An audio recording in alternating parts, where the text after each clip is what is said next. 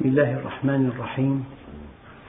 الحمد لله رب العالمين والصلاة والسلام على سيدنا محمد الصادق الوعد الأمين. اللهم لا علم لنا إلا ما علمتنا إنك أنت العليم الحكيم. اللهم علمنا ما ينفعنا وانفعنا بما علمتنا وزدنا علما وأرنا الحق حقا وارزقنا اتباعه. وأرنا الباطل باطلا وارزقنا اجتنابه واجعلنا ممن يستمعون القول فيتبعون أحسنه وأدخلنا برحمتك في عبادك الصالحين. أيها الإخوة المؤمنون مع الدرس الثاني من دروس سورة النساء ومع الآية الثانية من هذه السورة وهي قوله تعالى وآتوا اليتامى أموالهم ولا تتبدلوا الخبيث بالطيب ولا تأكلوا أموالهم إلى أموالكم إنه كان حوبا كبيرا. أيها الإخوة الكرام في الآية الأولى يا أيها الناس اتقوا ربكم اتقوا أن تعصوه اتقوا أن تخالفوا أمره اتقوا أن تحيدوا عن صراطه.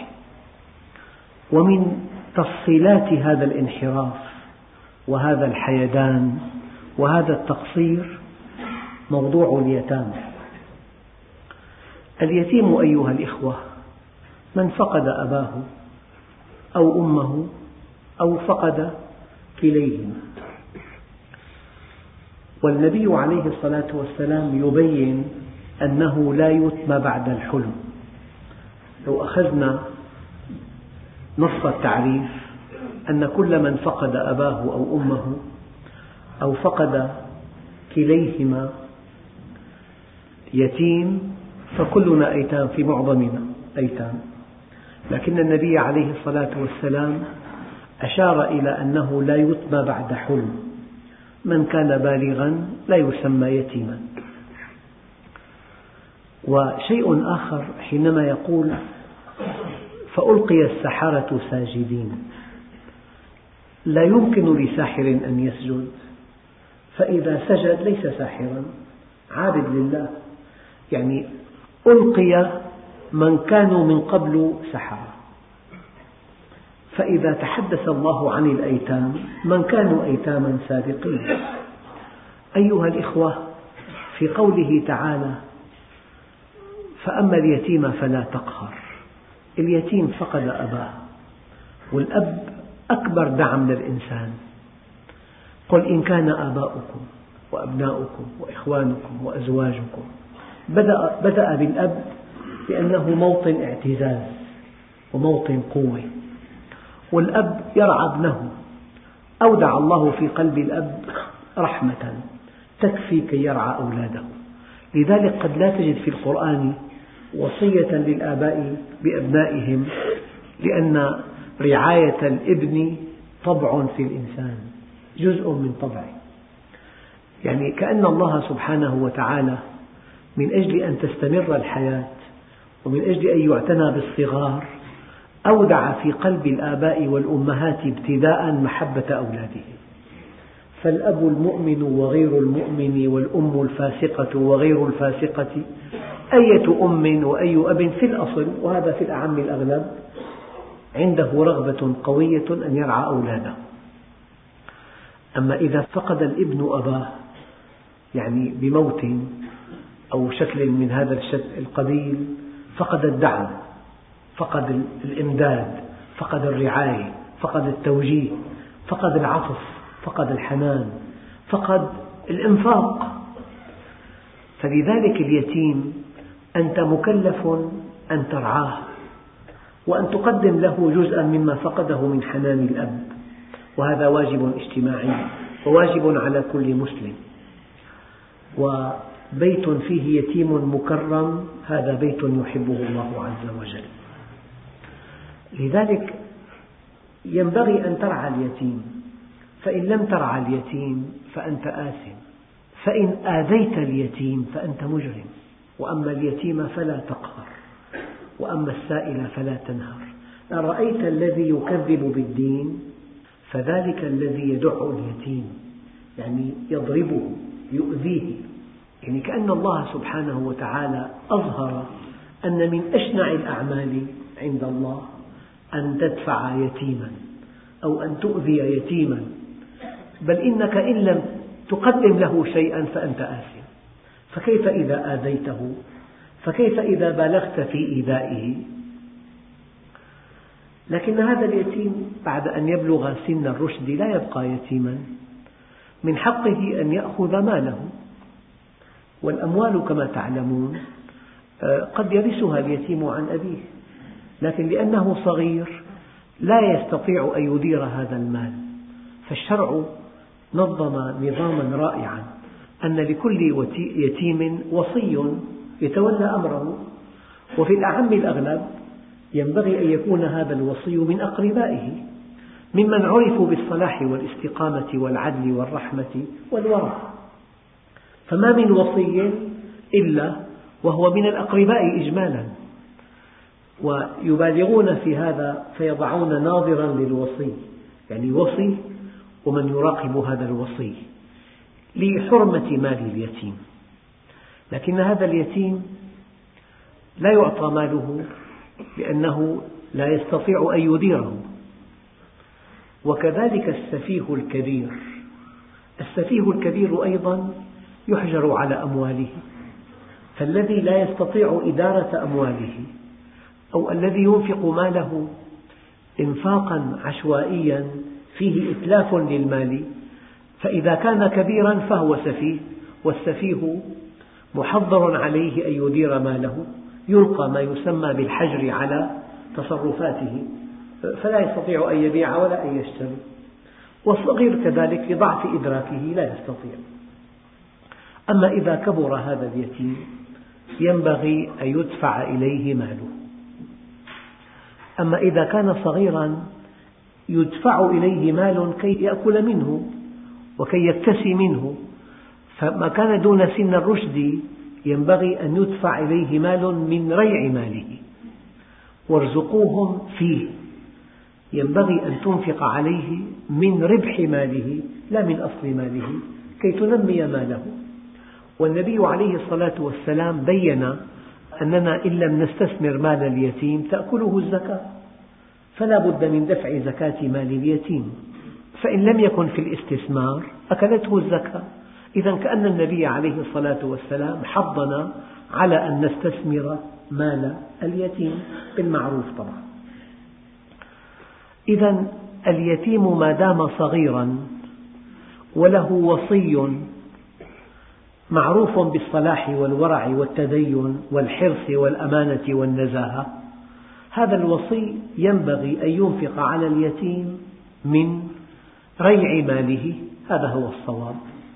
فإن لم يكن وأنفق من ماله المال صار في طريق النفاذ وهذه مشكلة. وأكبر خسارة أن يخسر الإنسان رأس ماله.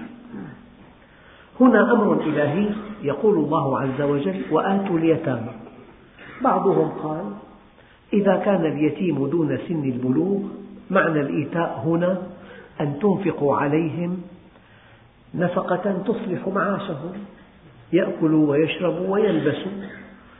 أما إذا بلغوا سن الرشد ينبغي أن تمتحنوا هؤلاء اليتامى أن تمتحنوا خبراتهم في الحياة أن تمتحنوا دقتهم في التعامل أن تمتحنوا عقلهم الراجح. إن أنستم منهم رشدا فادفعوا إليهم كل أموالهم. وقال بعض الفقهاء إذا بلغ اليتيم خمسا وعشرين سنة ينبغي أن يأخذ ماله كله من دون قيد أو شرط ما لم يكن سفيها أو مجنونا. إذا كأن هذه الآية بعد الإيجاز الأول يا أيها الناس اتقوا ربكم تفيد أن من بنود التقوى حسن التعامل مع مال اليتيم ولحكمة أرادها الله عز وجل. هناك من يموت في سن مبكرة.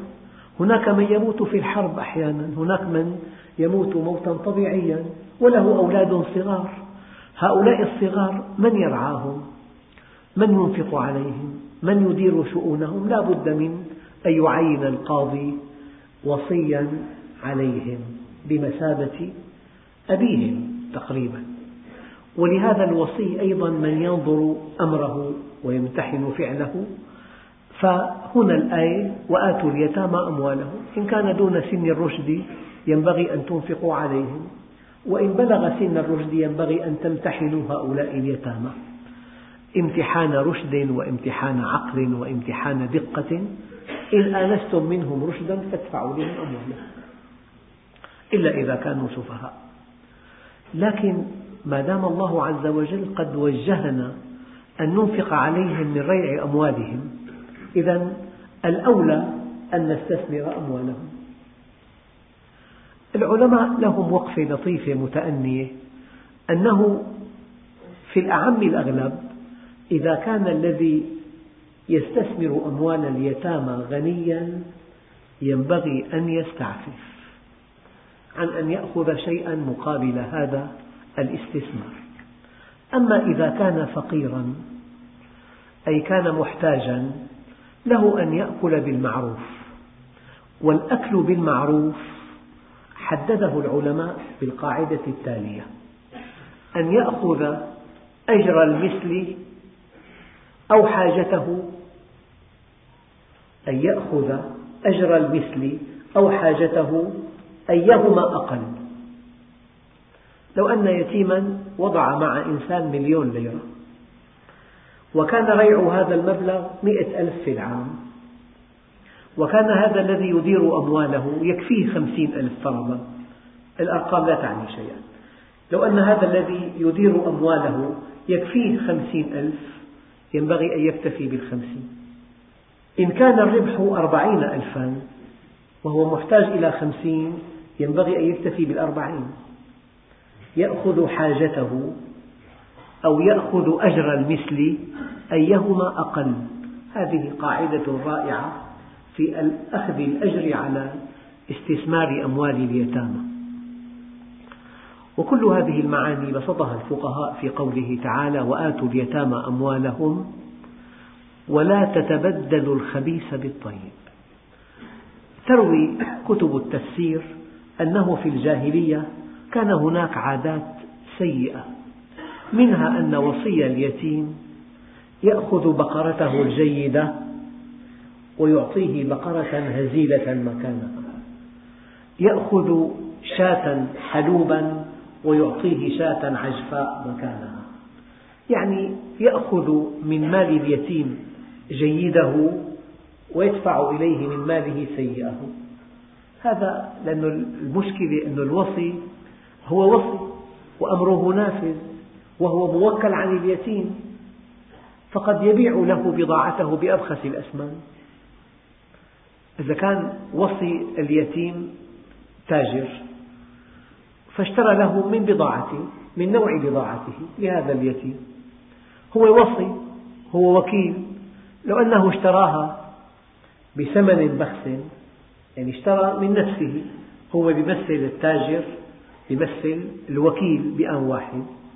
فربنا عز وجل يقول ولا تتبدلوا الخبيث بالطيب أن تأخذوا أطيب أموال اليتيم وأن تدفعوا بدلا منه أسوأ أموالكم هذا أيضا ممنوع. هذا يذكرني بقوله تعالى وعاشروهن بالمعروف قال بعض العلماء ليست المعاشرة بالمعروف أن تمتنع عن إيقاع الأذى بها بل أن تحتمل الأذى منها لو طبقنا هذه القاعدة ليست الوصاية على مال اليتيم تعني أن تمتنع عن إيقاع الأذى بماله بل أن تتحمل بعض المتاعب من أجل صيانة ماله ومن أجل تثمير ماله. ولا تنسوا أيها الإخوة الآية الكريمة الرائعة ولا تأكلوا أموالكم بينكم بالباطل الآية فيها ملمح رائع لا تأكل مالك مالي هو. لم لا آكله؟ هو في الحقيقة مال أخيك. وإنما وصف بأنه مالك من أجل أن تتعامل معه وكأنه مالك من حيث حفظه وصيانته. يجب أن تتعامل مع مال اليتيم وكأنه مالك من أجل حفظه وصيانته. أو من زاوية حفظه وصيانته. أوضح مثل قد تعير إنسان سيارتك. تقول له اجعلها كأنها سيارتك. من أي ناحية؟ للتملك؟ لا.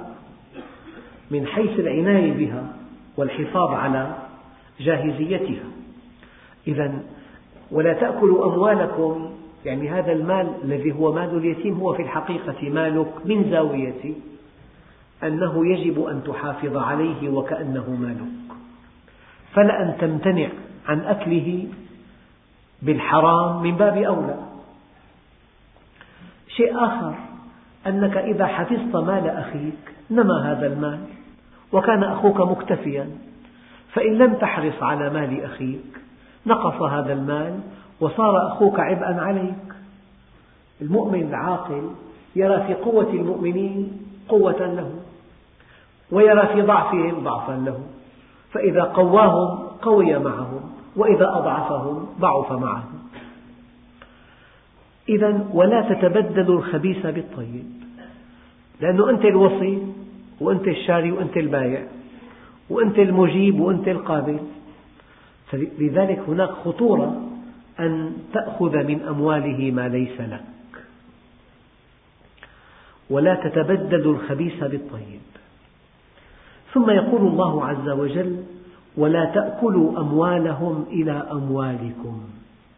تأكلوا هنا بمعنى تضموا. لا تضموا أموالهم إلى أموالكم. أي أنتم هنا أغنياء. وكأن الله سبحانه وتعالى نهانا عن أشنع صورة من صور الاحتيال. أن تأكل مال يتيم وأنت غني. هذه صورة لا توصف أن تأكل مال اليتيم الضعيف الفقير وأنت غني ولا تأكلوا أموالكم إلى أموالهم. إنه كان حوبا كبيرا إنه كان إثما كبيرا. الحوب هو الإثم. أي تأسوا إثما كبيرا. ليس معنى ذلك أن تأكل ماله إذا كنت فقيرا. الله جل جلاله قد يأتي بالحالة الدنيا لينهى عما فوقها. ولا تقل لهما أف. هي الحالة الدنيا. كلمة أف ممنوع أن تقولها لأمك وأبيك. طبعا أن تقسو عليهما بالكلام من باب أولى. أن تدفعهما بيدك من باب أولى. هنا معكوسة. هنا جاء الشارع الحكيم بأشنع صورة. أن تأكل ماله وأنت غني. طبعا هذه هذه شناعة ما بعدها شناعة. ولا تأكلوا أموالهم إلى أموالكم أي لا تضموا أموالهم إلى أموالكم. المشكلة أن الطفل الصغير ليس في قدرته أن يحاسبك. يعني مثلا ماذا يفعل بعضهم؟ معه أموال يتيم هو تاجر.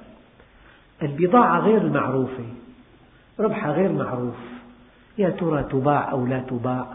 هذه في علم الله. يستثمر بها مال اليتيم. فإن خسر ماذا يقول؟ سبحان الله هيك الله ترتيبه. وإن ربحت جس بها السوق. أدخل ماله الذي يملكه هو في هذه الصفقات. يعني عمل عمل مال اليتيم دريئة جس بها السوق فإن ربحت هذه الصفقة أدخل ماله الأساسي وإن لم تربح يعني عرف على حساب غيره عرف نوع هذه البضاعة ومدى صلاحيتها ورواجها على حساب اليتيم.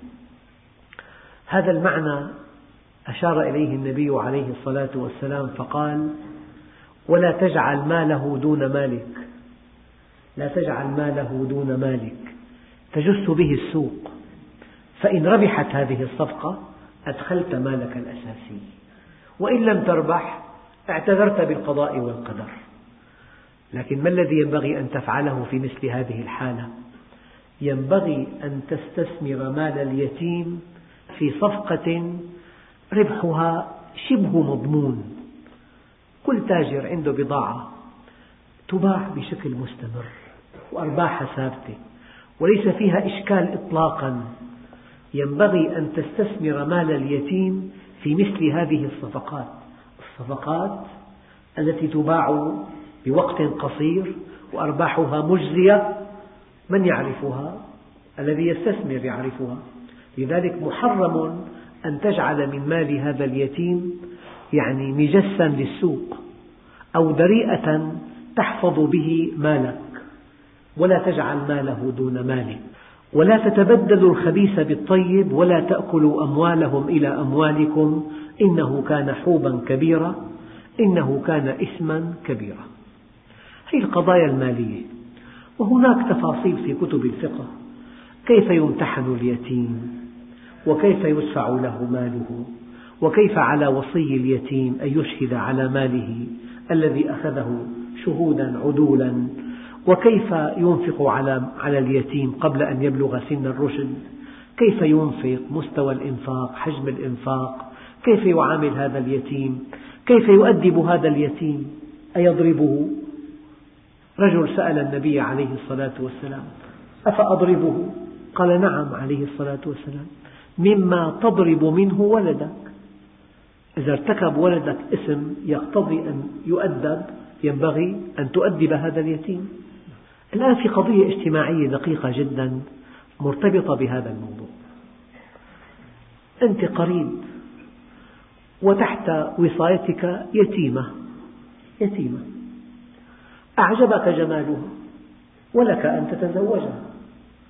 أو أعجبك وفرة مالها ولك أن تتزوجها. من هو الذي يبت في قضية زواجها أنت؟ أنت وكيل عنها. أنت وصي عليها وأنت الطرف الثاني في آن واحد. فما الذي يحصل؟ عندك يتيمة أعجبك حسنها أو عندك يتيمة أعجبتك أموالها. فأنت الذي أجبت وأنت الذي قبلت وأنت زوجت نفسك من هذه اليتيمة. من الذي يعرف ما إذا ظلمتها أو لم تظلمها؟ الله جل جلاله. أعطيتها حقها. أعطيتها مهر المثل. إن كنت طامعا في مالها عملتها كزوجة؟ أم أنك طمعت بمالها وأهملتها كزوجة؟ فقال الله عز وجل وإن خفتم ألا تقسطوا في اليتامى. يعني إن كانت عندك يتيمة وأنت وصي عليها. وأردت أن تتزوجها. هناك مزلق خطير أن تظلمها. إما بعدم إعطائها المهر الذي يناسبها والذي يكافئ مستواها أو بعدم التفاتك إليها كزوجة إذا كنت طامعا في مالها. هي ماذا تتمنى؟ تتمنى زوجا يحبها وزوجا يحترمها. وزوجا يكرمها وإن توافر هذا في وصيها تتمنى أيضا مهرا يتناسب مع قدرها. فحينما يبيع الإنسان نفسه هنا مشكلة كبيرة جدا. أضرب لكم مثلا يوضح هذه الفكرة. لو أن لك قريبة وضعت معك مالا للاستثمار وأنت عندك معمل نسيج. خبرتك في الخيوط. خبرتك الجيدة في الخيوط. فهذه القريبة أعطتك مبلغ من المال. بقصد أن تستثمره وأن يكون الربح بينكم. اشتريت به خيطا. في وقت ما أنت بحاجة إلى هذا الخيط كصاحب معمل. نسيج أنت الآن شخصية مزدوجة. أنت وكيل هذه القريبة. التي وضعت معك مالا للاستثمار وأنت طرف آخر في شراء هذه الصفقة كصاحب معمل. ما الذي يمنع أن تشتري هذه البضاعة بثلثي قيمتها؟ التي أعطتك المال لا تعلم بالأسعار. وضعته عندك ووثقت بأمانتك. فأنت حينما تبيع نفسك أو تشتري من نفسك هناك مزلق خطير. لذلك بعض المذاهب منع أن يبيع الإنسان نفسه. ممنوع. لا ينعقد هذا البيع. ما دام أنت الشاري وأنت البائع فهناك مزلق خطير جدا أن تشتريه بأبخس الأثمان أو إن بعتها لهذه المستثمرة أن تبيعها بأغلى الأثمان تشتري بأبخس وتبيع بأغلى. لذلك بعض المذاهب منعت أن يبيع الإنسان نفسه. لكن بعض المذاهب الأخرى قالت لو أنك أردت أن تبيع هذا الخيط الذي هو لقريبة لك تستثمر عندك ماله لو سألت أسعار الخيط بالسوق الكيلو بمئة ليرة وكتبت أنه سألنا فلان سألنا فلان سألنا فلان كيلو بمئة ليرة. وأنت اشتريته منها ب 105 ليرة. في معك استقصاء معك معلومات مسجلة. وأنت ورعا ودفعا للشبهة اشتريت بأغلى مما ينبغي. ما في مشكلة. طبعا سقت هذا المثل لأنه دقيق جدا. وهذا اليتيم الذي بيدك ماله هذه حالة مشابهة تماما. أنت البائع وأنت الشاري. أنت المجيب وأنت القابض إذا وإن خفتم ألا تقسطوا في اليتامى إن رأيت أن هذه اليتيمة إذا تزوجتها هضمت حقها. أو إن رأيت أن هذه اليتيمة إن تزوجتها ربما لم تعاملها كزوجة لأنه لا يعجبك حسنها لكنك طبعت بمالها. فأنت إذا تظلمها. بسم الله الرحمن الرحيم. ماذا ينبغي أن تفعل الحمد لله رب العالمين.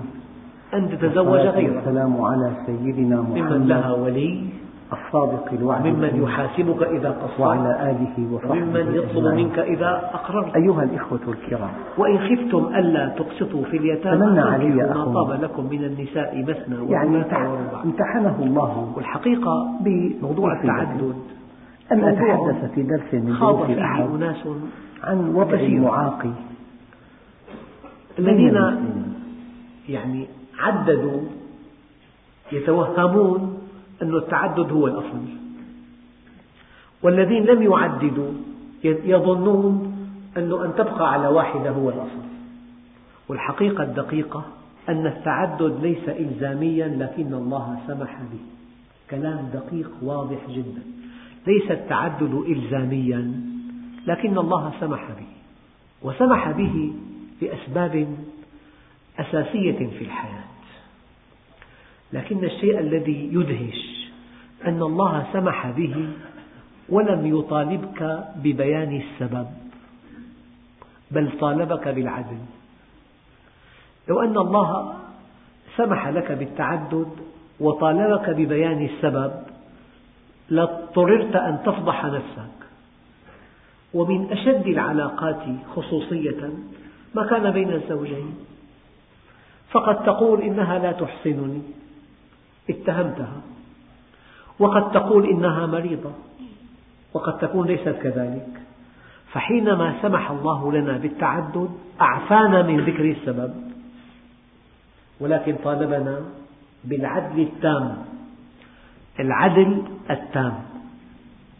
ذكرت لكم سابقا أن برنامجا حول التعدد يعني بني هذا البرنامج على أسئلة لكبار المعنيين بهذا الأمر في الشرق.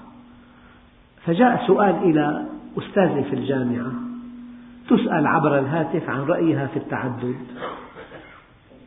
الفعل إجابتها كانت رائعة. قال كيف أدلي برأيي في التعدد وقد سمح الله به؟ خالق السماوات والأرض سمح بالتعدد. ذلك أنه في دين الإسلام ليس هناك زوجة وخليلة ليس هناك زوجة وعشيقة ليس في الإسلام إلا زوجة يعني علاقة واضحة وضوح الشمس تكون تحت ضوء النهار دون خوف ولا وجل ولا تستر ولا سرية ولا كتمان. الزواج من السنة أن يشهر. وهذا الذي يفعله الأزواج يوم عرسهم يشهرون هذا الزواج بأساليب عديدة. فنحن ليس في الإسلام شيء نستحي أن نفعله علنا. فإذا كان في أسباب تقتضي أن يكون لهذا الزوج زوجة ثانية لو أن الأولى لا تنجب أن نلقيها في الطريق. لا نبقيها ونعاملها أكرم معاملة. ونبحث عن زوجة تنجب. لو أن هذه الزوجة مريضة نلقيها في الطريق لأنها مريضة. لا نبقيها أكرم زوجة. ونبحث عن زوجة صحيحة. هناك أسباب كثيرة وفي أيام الحروب قد يفقد بلد مليون شهيد. قد يفقد. فصار في نقص بالرجال. فهل يعقل أن, تبقى امرأة لرجل فقط؟ ما الذي يمنع من التعدد في أزمات الحروب؟ ففي أزمات الحروب وفي أمراض وفي عقم وفي عدم إحصان وفي أسباب كثيرة. لكن عظمة الشرع أعفتك من بيان السبب وأوجبت عليك العدل التام. والعدل التام العدل التام أن تعدل بين الزوجتين أو بين الثلاثة أو بين الأربعة في الإنفاق وأن تعدل في المنزل في البيت وأن تعدل في الوقت. وقت واحد ليلة بليلة ليلتان بليلتين وبيت في مستوى واحد وبيتان في مستوى واحد ونوع الإنفاق واحد. أما حينما يشترط الزوج أن لا ينام معها إطلاقا يأتيها أحيانا من حين لآخر ظهرا هذا مجانب للعدل. امرأة تتمتع بزوجها معها طوال الليل ومع أولادها وامرأة لا لا يمكنها زوجها إلا أن يكون عندها ساعة في النهار. هذا ليس من العدل. لذلك طالبنا الشرع بالعدل التام التام. ولم يطالبنا بالعدل المطلق. المطلق في الميل. النبي عليه الصلاة والسلام يقول اللهم هذا قسمي فيما أملك فلا تلمني فيما تملك ولا أملك. قلبك ليس بملكك. قد تميل إلى من لها كلام طيب من لها شكل مقبول أو شكل جيد؟ من لها رقة وقد تنفر من من لها قسوة في حديثها وقد يعلو صوتها على صوتك. فأنت لم تطالب بالعدل في الميل لكنك طلبت بالعدل في الإنفاق والمسكن والوقت. لذلك وإن خفتم ألا تقسطوا في اليتامى. يعني تزوجت هذه اليتيمة فظلمتها من حيث المهر أو ظلمتها من حيث الإنفاق أو ظلمتها من حيث الحب. فإن خفت أن تحملك وصايتك لهذه اليتيمة على أن تظلمها دعها وخذ من تأخذ حقها منك بالتمام والكمال. وقد يقول قائل يعني لو أن إنسان توفي أخوه فهؤلاء البنات هم بناته حكما بحكم وصايته عليهم وخشي من التردد على بيت أخيه بعد موته فيسيء الناس الظن به. ما الذي يمنع أن يتزوج أمه؟ لا مانع بالعكس أولى. يعني حسما للقيل والقال هو مكلف أن يرعى هؤلاء البنات وأمهم أجنبية بالنسبة إليه. فإن تزوجها حل مشكلة كبيرة. وإن خفتم ألا تقسطوا في اليتامى فانكحوا ما طاب لكم من النساء مثنى وثلاث ورباع يعني هذا من يقول أنه مثنى اثنتان وثلاث ثلاثة خمسة ورباع أربعة تسعة. هذا كلام لا أصل له إطلاقا. لك أن تتزوج امرأتين أو ثلاث نساء أو أربع. وقد تروي بعض الكتب إنسانة جاءت سيدنا عمر تشكو زوجها بلطف بالغ. قالت يا أمير المؤمنين إن زوجي صوام بالنهار قوام بالليل. يبدو أن سيدنا عمر كان مشغولا قال, له قال لها بارك الله لك بزوجك. فعنده أحد الصحابة قال يا أمير المؤمنين إنها لا تمدحه إنما تشكوه ولكن بأدب. فحكم بينها وبينه وألزمه أن يتفرغ يوما لها كل أربعة أيام. لو أنه تزوج أربعة لها حق في يوم. فحكم لها أن يكون معها لا صواما ولا قواما في هذه الليلة. وحينما رأت السيدة عائشة امرأة عثمان بن مضعون رأت امرأته في صورة زرية تهمل نفسها سألتها قالت ما لي, ما لي وله؟ هو صوام قوام. فالنبي استدعاه وقال له يا عثمان أليس لك بي أسوة؟ إنني أصوم وأفطر أنام وأقوم. فتوجه عثمان بن مضعون إلى زوجته وأعطاها نصيبا من اهتمامه. فجاءت في اليوم التالي عطرة نضرة فسألتها أخواتها قالت أصابنا ما أصاب الناس. أيها الإخوة من يظن نفسه لا يعدل بين زوجتيه ينبغي أن يبقى على واحدة لأن هذا ظلم شديد ويأتي يوم القيامة ليحاسب عن عمله حسابا عسيرا. وأنا والله أصدقكم أن عددا كبيرا ممن عدد لا يطبق هذه التعليمات. واحدة مهضومة الحق والثانية تأخذ كل شيء. وأكثر الذين عددوا ولم يعدلوا ندموا أشد الندم. ودائما يشعر أنه ظالم. فإن استجاب لضغوط الأولى أو الثانية وقع في ظلم الأخرى. فمن لم يأنس من نفسه العدل في معاملة زوجتيه عليه أن يكتفي بواحدة. وإن خفتم ألا تعدلوا فواحدة. أو ما ملكت أيمانكم ذلك أدنى ألا تعولوا أي ألا تنحرفوا وتظلموا وتأتوا يوم القيامة في شكل يعني آه، محاسبين عند الله أشد الحساب. وفي درس آخر إن شاء الله تعالى نتابع هذه الآيات وهي قوله تعالى وآتوا النساء صدقاتهن نحلة فإن طبن لكم عن شيء منه نفسا فكلوه هنيئا مريئا والحمد لله رب العالمين.